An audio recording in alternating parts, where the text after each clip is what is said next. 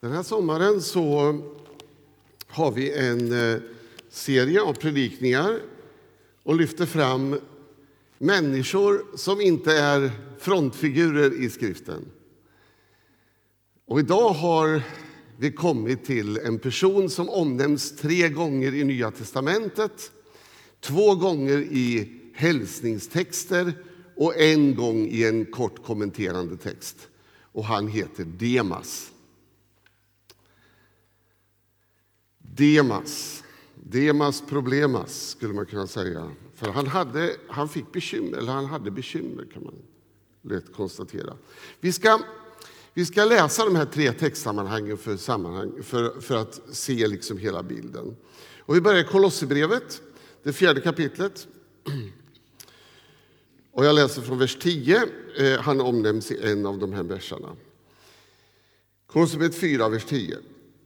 Min medfånge Aristarkos hälsar er och likaså Markus, Barnabas kusin. För hans del har ni redan fått anvisningar. Ta väl emot honom om han kommer.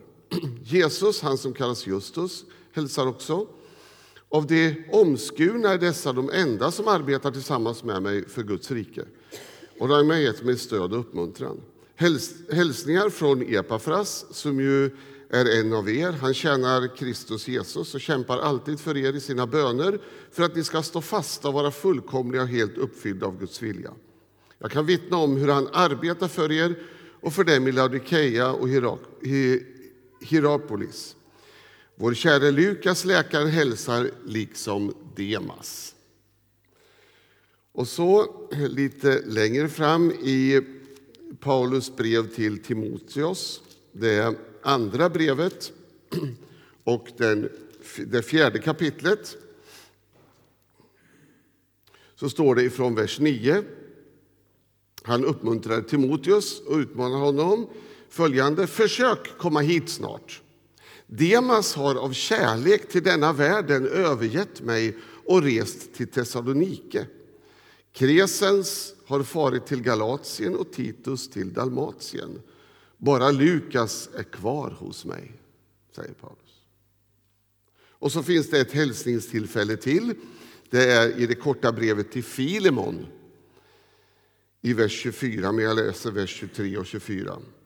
Epafras, som också är fånge här för Kristi skull, Kristi Jesus skull, hälsar till dig, liksom också mina medarbetare Markus, Aristarkos, Demas och Lukas. Vid tre tillfällen nämns alltså Demas. Paulus var ju en person som arbetade tillsammans med människor, relaterade till människor, arbetade tillsammans med människor, såg möjligheten till utveckling både av människors eget liv men också evangeliets utbredande genom människor. Det kan vi se i hela hans sätt att resonera och tänka. Ehm, och därför så föreställer jag mig att när Paulus skriver till Timoteus, en av hans nära, verkligt nära medarbetare, att Demas, han har övergivit mig. Och det är bara Lukas som är här. Alla andra har fart åt olika håll. Så är det med smärta och, och ganska stor vånda som han skriver om det här. Det var inte en lätt och ytlig erfarenhet för honom.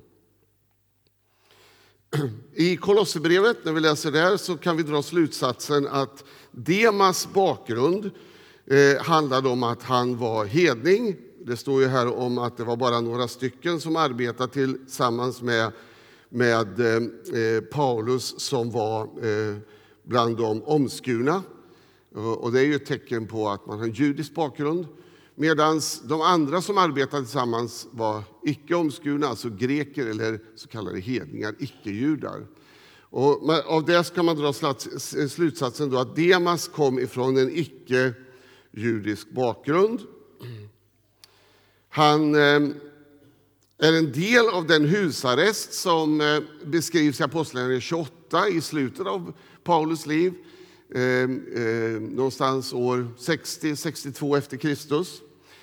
Ehm, och med anledning av hans eh, icke-judiska bakgrund så är det inte alls otroligt att, eh, han hade sin hemvist från början i Thessalonike. Att det var hans eh, tidigare hem och att han sen hade följt Paulus under en, en, en, längre tid. Och när han lämnar Paulus så vänder han tillbaka till Thessalonike. I brevet till Filimon omnämns Demas bland annat som medarbetare. Och Det ord som används för medarbetare ett väldigt starkt ord.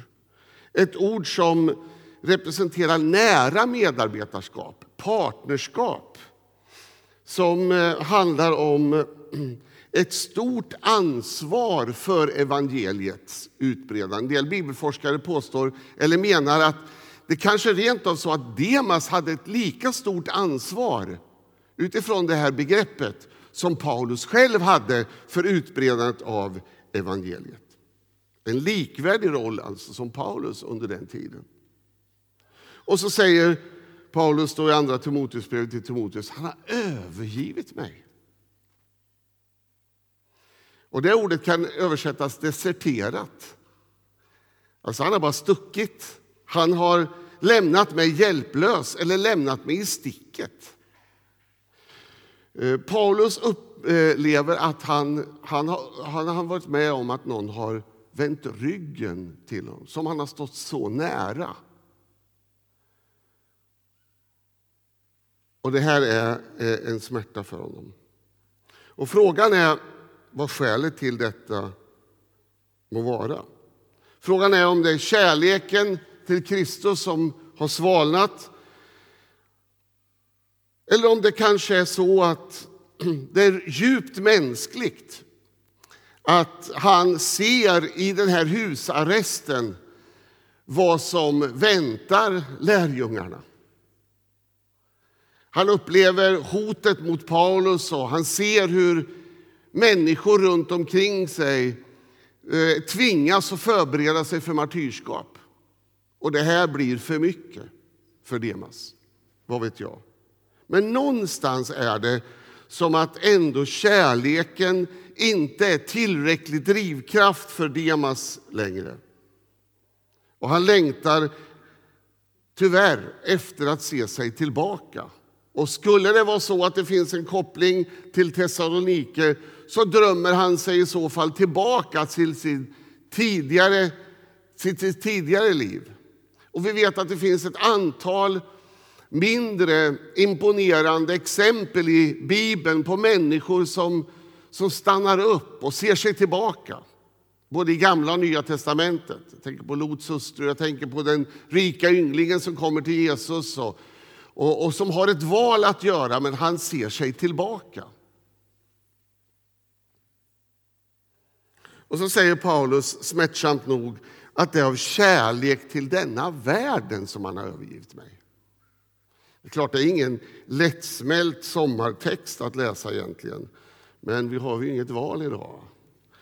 Så eh, Johannes skriver i Första Johannesbrevets andra kapitel eh, och femtonde vers följande. Älska inte världen och det som finns i världen. Om någon älskar världen finns inte Faderns kärlek i honom. Ty det som finns i världen, vad kroppen begär, vad ögonen åtrår, vad högfärdigt skryter med, det kommer inte från Fadern utan från världen. Och världen förgår med sina lockelser, men den som gör Guds vilja består för evigt.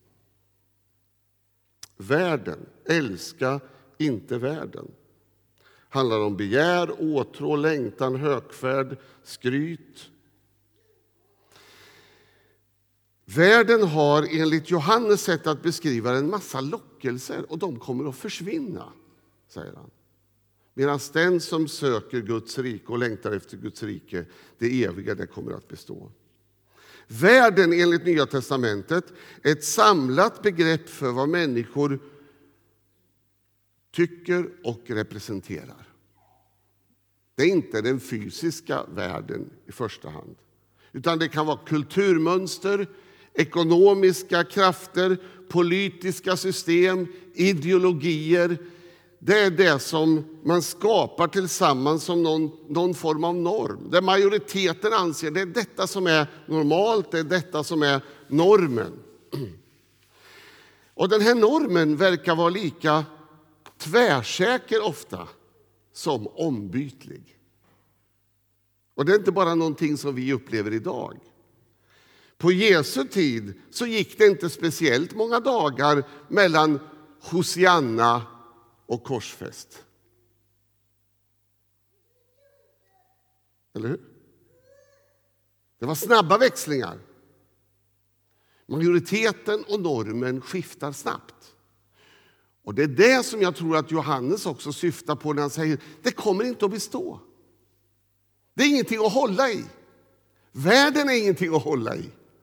Det skiftar.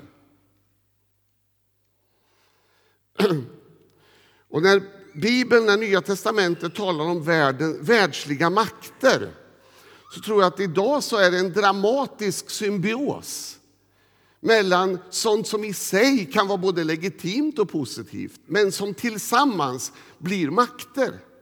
Teknologi, ekonomi, marknad som tillsammans nästan kan driva vem som helst vart som helst. Som gör att vi, du och jag, har allting i knät hela tiden.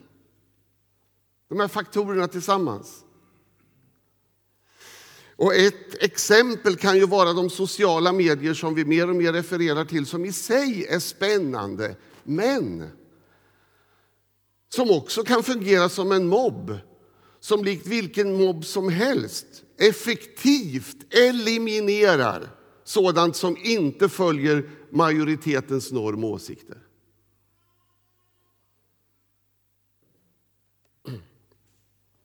Men vi ska inte tro att världen i nytestamentlig mening bara finns utanför den kristna sfären eller kyrkan. Paulus är klarsynt i de här frågorna och talar väldigt tydligt om att risken finns att världen infiltrerar eller kyrkan tillåter världen att fungera inom sig. I Galaterbrevets fjärde kapitel så varnar eh, Paulus församlingen i Galatien för de världsliga makterna. Svaga och ömkliga makter, säger han som man är nu beredd att ställa sig under igen i Galaterbrevets fjärde kapitel. Ni som förut levde under sådana makter, ni ska väl inte igen ställa er under sådana ömkliga makter, säger Paulus. Och vad handlar det om? Jo, det handlar om tillägg till evangeliet, tillägg till nåden. Om en kyrka, om en församling tvingar sig till att, att ha förhållningssätt, ideologier eller tillägg till evangeliet för att bli accepterad i sin samtid av världen, då har man verkligen världen inom sig. Och det här är inget nytt. Det här brottas kyrkan och församlingen med i historien, det brottas vi med idag. När vi inte nöjer oss med relationen till Kristus och hans verksamma nåd utan anser att vi behöver tillägg till evangeliet, då agerar vi som om Gud inte finns. Tillspetsat kan man säga att Demas, hans brottning var en kärlek till tiden mer än till evigheten. Hans brottning handlar om en kärlek till tiden mer än till evigheten. Och Jesus varnar bland annat i eh, en liknelse som är refererad i tre av evangelierna, Matteus, Markus och Lukas, där han talar om sådden. En såningsman som sår i fyra olika typer av åkrar. Och när Jesus uttyder den här liknelsen så talar han om hjärtats åker och att ordet är det som sås ut. Och i två av de här åkrarna så finns det en uppenbar risk att ordet inte får någon ingång överhuvudtaget, även om det börjar fint. Och det är dels på grund av förföljelse, eller världsliga bekymmer, som Jesus säger. Eller det andra, rikedomen som lockelse.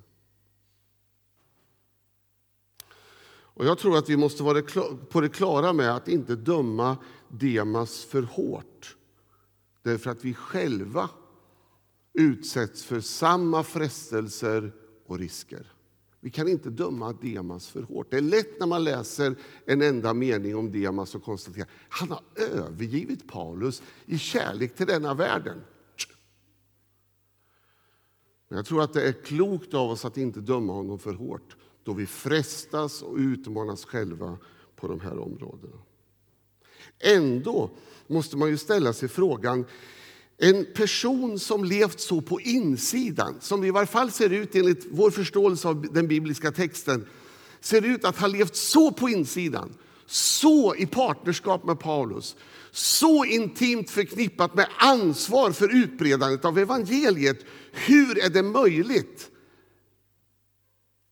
att han kan förflytta sin kärlek på ett sådant sätt att det slutligen leder till att han till och med överger de djupaste av relationer och djupaste av samarbete som han står i.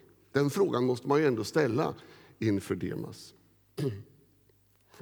Idag skulle man kunna säga så här, för att använda ett lite mer modernt språk, att Demas var starkt utsatt för ut, eh, i en process av sekularisering. Kärlek till tiden mer än evigheten. Om det hade sin grund i, som jag sa, fruktan eller om det fanns andra inslag med det känner jag inte till. Låt mig få lyfta några perspektiv på sekularisering i relation till Demas. Och jag lånar eh, definitionen av sekularisering från Magnus Malm. Som om Gud inte finns. Som om Gud inte finns. Och det första jag vill säga det är att sekularisering sker långsamt och utan medvetna beslut. Det är skrämmande. Sekularisering sker långsamt och utan medvetna beslut. Sekularisering, att leva som Gud inte finns, sker gradvis och upptäcks därför oftast efteråt. när förändring redan skett. Många mår dåligt i den här processen av stegvis förändrad positionering, ideologiskt eller teologiskt. Men oftast talar man inte om den här våndan som man bär på. Därför är det så viktigt att sätta ord på den här processen i våra liv. Vad är det som sker? Att våga sätta ord på den här processen för att få den att bromsa upp. Därför att sekularisering sker i ett sluttande plan. Och det krävs något av oss, av kraft, medvetenhet, beslutsamhet för att motverka de här krafterna. Och fattar vi inte medvetna beslut för att motverka sekulariseringsprocessen i våra egna liv och i församlingens liv så kommer det obönhörligen att ske. Så illa är det. Det andra jag vill säga om sekularisering det är att det sker genom språket. Språket erbjuder en ja, diskreta myrsteg på vägen, skulle jag vilja säga. Genom språket kan vi förflytta oss utan att lämna sanningen. Problemet är när språket förändras på liksom alla plan samtidigt. Då kommer man efter ett tag att inte överhuvudtaget känna igen sig. Ehm, och De här exemplen jag ska ge, som jag också lånar från Magnus Malm på såna här positionsförflyttningar i språket måste inte var och en i sig vara fel. Det kan vara helt legitimt med förändringar i vissa eller förändringar i visst sammanhang vid ett visst tillfälle. Men när vi ritar om det ena efter det andra, då får vi en helt ny karta. Från Jesus till Gud. Från Gud till det heliga. Från evangeliet till kristna värderingar. Från bön till andlighet. Från efterföljelse till engagemang. Från Kristus som person till kristen tro. Från lärjungaskap till verksamhet. Från bekännelse till tolkning. Från synd till brustenhet. Och från ordet till mysteriet. Och det säger igen. Ett enskilt begrepp kan behöva förändras i ett visst givet läge. Det finns brustenhet. Men vänner, det finns fortfarande också synd. Det finns mysterier, men det finns fortfarande också ett objektivt ord, en uppenbarelse. Men när vi förändrar språket och tillåter språket att förändras så kommer det att förändra oss. Vi ritar om kartan. Sekularisering sker genom hur vi använder språket och hur vi kommunicerar med vårt språk. Det tredje är att sekularisering sker genom individualisering. Paulus påpekar att Demas hade övergivit honom. Demas, Demas gick sin egen väg efter att ha levt nära tillsammans och, ta an, och, och, och tillsammans med andra ta ansvar så, så går han sin egen väg. Inledningen av Apostlagärningarna visar med all önskvärd tydlighet att den första kristna församlingen, den första kristna gemenskapen räknar inte med någon kristen tro vid sidan av gemenskapen. Alltså, privatreligiositet existerar inte i Lukas sinnevärld när han skriver Apostlagärningarna. Alltså, det finns inga referenser till det sättet att tänka överhuvudtaget. Därför kristen tro utövas inte, levs inte, identifieras inte utifrån mig som individ utan identifieras, levs och utövas utifrån gemenskap. Kristen tro i sig är gemenskap. Apostlagärningarnas andra kapitel, fjärde kapitel, sjätte kapitel. Vi skulle kunna läsa text efter text som visar på att tron utövades gemensamt.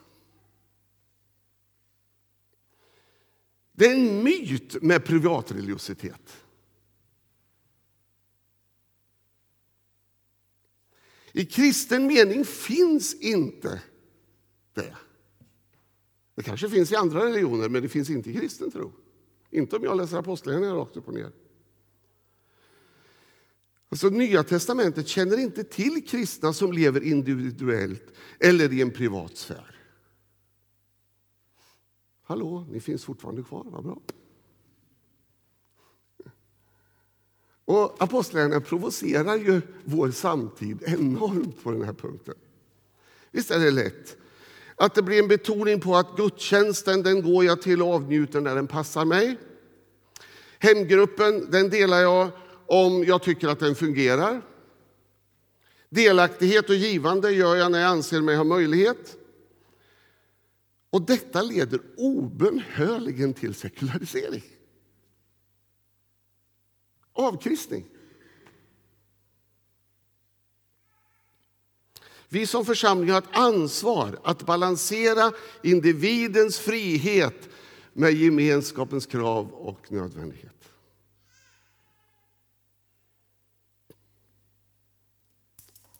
Det var allvarligt. Ja, men vi har ett ansvar. Kristen tro utövas tillsammans. Och Det är det som är så vackert med den kristna tron. Det är inte jag själv. Och det här är ju direkt...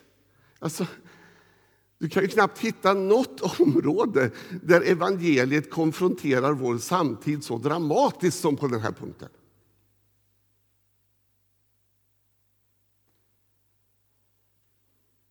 Och ska vi få leverera en sund, levande, dynamisk kristen tro till nästa generation då är det vårt gemensamma ansvar att ha ett förhållningssätt till den här frågan. Halleluja trodde jag inte skulle säga. Men vi tänker halleluja, vi är så fromma. Va? Det här är jätteallvarligt. Jag har en bild, en story om gässen. Jag tycker den är så underbar. Jag brukar dra den ibland i ledarskapssammanhang, men jag tycker att den har sin plats här. När gässen flyger tillsammans i ett V så ökar den sin flygkapacitet med 71 procent än om de ska flyga ensamt. Och när en gås faller ur formationen så kommer den omedelbart att känna av hur mycket mer kraft som behövs för att försöka hålla tempot. Det finns inte en chans. Utan man kommer snabbt att söka sig in i V-formationen igen för att avnjuta så att säga, den kraft som frigörs när man flyger tillsammans. När en ledargås blir trött så roterar den ner från frontpositionen i V1 och någon annan går upp för att hålla ledarpositionen och trycket uppe.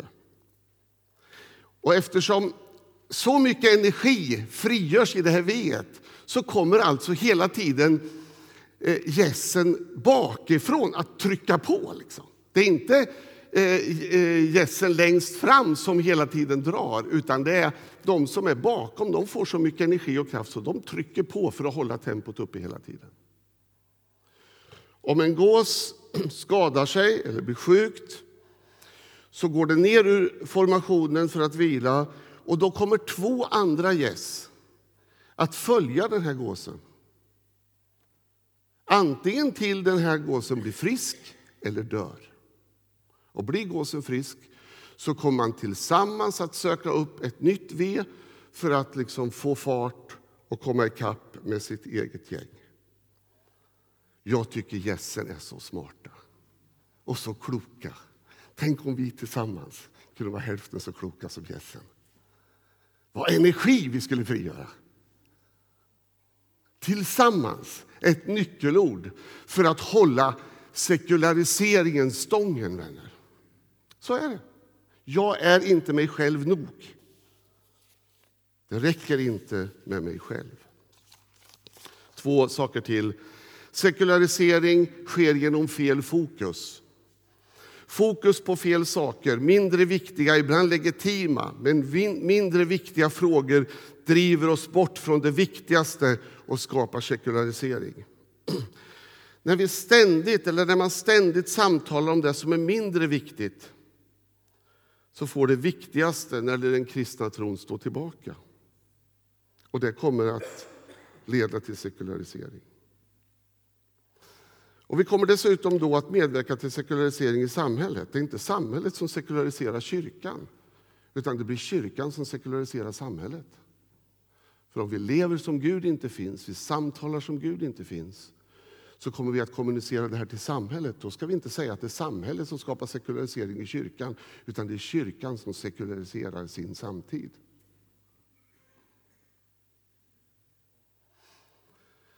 Det finns en berättelse från vår egen församling flera decennier tillbaka. Du ska inte behöva fundera på vem det var eller vem det gällde eller när det hände. Det är så länge sedan så ni har glömt allihop. Om ni vet om den här berättelsen. Men den är djupt tragisk på många sätt och smärtsam och utmanande. När en nykristen familj från Malmslätt ska möta sina nyvunna vänner en lördagkväll så har de givetvis Bibeln med sig. För de tänker det måste ju vara det här med tron och Bibeln som vi pratar om när vi träffas. Och första gången de träffar sina nyvunna vänner på lördagskvällen så tar de Bibeln med sig ända in i vardagsrummet. Men de märker att det var inte det man pratade om. Det var inte liksom det viktigaste i tron och kring Bibelns frågor som man reflekterade den där kvällen. Så nästa gång man träffas så tar man visserligen med sig Bibeln men man lägger det på hatthyllan. Det fanns hatthyll, hatthyllor på den tiden. Så det är länge sedan. Vet ni. Så man lägger Bibeln på hatthyllan därför man tänker ja, men det kan ändå vara bra att ha Bibeln där om det är så att samtalet uppstår. Och Det visar sig även den här gången att det var inte det man samtalade om. Så efter några träffar, några lördagskvällar man har träffats och haft gemenskap så tar man inte med sig Bibeln längre. Därför att man inser det är ingen mening, det är inte det vi pratar om, det är inte det vi ägnar oss åt. Storyn är sann, storyn är djupt tragisk och utmanande för mitt liv. 2015? Vad är det jag ägnar min tanke åt? Vad är det jag samtalar om? Vad är det jag prioriterar i min gemenskap med andra kristna vänner?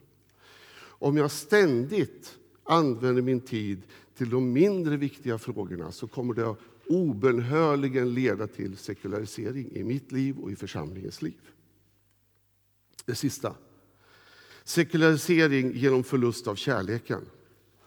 Alltså när disciplin, förväntningar, krav och ansvar blir ersättning för kärlek som drivkraft så finns det en uppenbar risk för sekularisering i kyrkan och i församlingens liv. Därför är det alltid en risk med organiserad kristendom. Alltså, det är alltid en risk med institutionalisering, även om den behövs. Gud är organiserad i sin person. Gud har organiserat hela skapelsen. Vi behöver någon form av organisation. Men det är därför jag tror att Nya testamentet talar väldigt lite om organisationsformer för kyrkan. Därför att det finns sådana risker med det.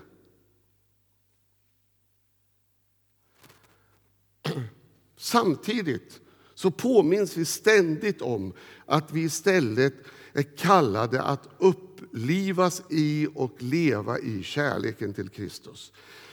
Därför att om, om hur andliga, goda, bibliska de här råden och utmaningarna är som att söka Guds rike först, först av allting ska du be och åkalla. Vi skulle kunna liksom stapla såna här bibliska utmaningar på varandra. Men om de får leva utan att kärleken är drivkraft så kommer till och med dessa andliga utmaningar att driva oss till sekularisering. Det är det allvarliga. Och Det är därför jag tror att texten i Uppenbarelsebokens andra kapitel där Jesus talar till församlingen i Efesos är så viktigt och så tydlig i sitt språk. Därför att det står där om allt det goda som församlingen i Efesos levde i. De, de, kunde skilja mellan det ena och det andra. De hade gjort goda insatser, de var skarpa på många områden, men de hade fallit, säger Jesus. Det är ett jätteallvarligt ord. Och, de, och Jesus använder samma ord över församlingen i Efesos som, som Paulus använder över Demas. Ni har övergivit den första kärleken. Och därför behövde de omvända sig. Alltså om, om andra, till och med de mest, de mest legitima, goda och andliga missförstå mig rätt nu, andliga begrepp blir drivkraft för våra liv mer än kärleken till Kristus så kommer det att driva oss bort ifrån det som är avgörande. Och det kommer att sekularisera oss. Vad blir då slutsatserna och vad blir utmaningen och vad blir trösten i alltihopa det här när vi pratar om Demas den här dagen? Jag tror att vi behöver vara medvetna om några saker. Det finns lärdomar. Det första det är att ingen kristen är immun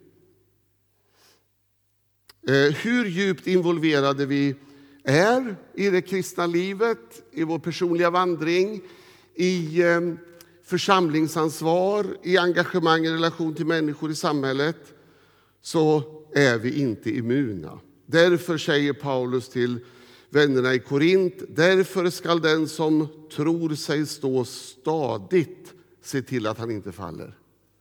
Och Paulus säger till Timoteus, håll ett kritiskt öga på ditt eget liv. Titta inte bara på alla andra. Håll ett kritiskt öga på ditt eget liv, Timoteus. Men den som tror sig stå stadigt, den måste se till att den inte faller. Alltså, ingen är immun. Vi är alla utsatta för dessa sekulariserande krafter som vill driva oss bort ifrån intimiteten med Gud själv. Det andra, bevara rätt perspektiv på ditt liv. Är det något vi vet intellektuellt så är är det att vi bara har ett liv. Vi har bara ett liv och vi vet det intellektuellt allihopa. Utmaningen blir ju att rikta in sitt liv på ett rätt sätt. Och jag tänker så här, evigheten börjar ju inte där borta. Evigheten börjar här för mig. Och då ber jag om nåd mitt i alla de sekulariserande krafter som vill liksom bryta ner mitt liv, så ber jag om nåd att få rikta in mitt liv mer på längtan mot det eviga än mot nuet. Jag behöver vaka över mitt liv. Ställ in ditt liv rätt. Vaka över det. Och våga prata med andra om det. Det sista. Överge inte gemenskapen. Och Det är ju inget man ska säga till de som har kommit till kyrkan. Självklart inte egentligen. Men jag behöver uppmuntra oss. Överge inte gemenskapen. Det är inte så att gemenskapen är perfekt alltid. Det är inte så att allting händer som du tycker är bra i gemenskapen alltid. Vi är människor av kött och blod. Men överge inte gemenskapen. Och gå inte på den där, den där myten om privat religiositet. Gå inte på det där snacket. För det finns inget stöd i skriften för det. Det finns ingen överlevnad i att leva som en singelkristen någonstans, vart det nu är. Det blir inte bättre. Överge inte gemenskapen. Dela gemenskapen, dela ditt liv. Var öppen med ditt liv. Dela det. Och dela det med både troende syskon och delade med sådana som inte tror. Det är jättespännande, både och. Ge inte upp gemenskapen. Trots allt. Det finns sånt som är kanonbra här i Ryttargårdskyrkan och det finns sånt som du river dig i huvudet kring. Det är okej. Okay. Riv det i huvudet. Ibland får du skaka på huvudet. För allt är inte perfekt. Men överge inte gemenskapen. Be om nåd att få leva varm i gemenskapen. Ge ditt bidrag. Lev med kristna syskon och lev med icke-kristna syskon.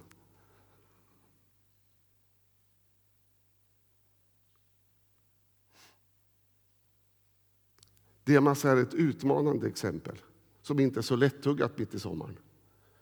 Men vi behöver påminnas igen och igen om alla de krafter som vill verka oss bort ifrån intimiteten med Gud. Och vi behöver ta till oss alla de krafter som vill dra oss in i intimitet med Herren själv. Vi ber tillsammans. Herre, jag tackar dig för att du serverar ditt ord för oss och jag ber att du ska leda oss, var och en individuellt men också som gemenskap. Jag ber om din nåd över våra liv. Vi behöver den. Jag behöver den, Herre. Och jag ber om att få, få igen och igen uppleva hur kärleken tänds i mitt hjärta till dig. Jag ber om det, Herre. Jag ber om kärlek i mitt hjärta till dig. Framför allt annat. Framför allt annat. I Jesu namn. Amen.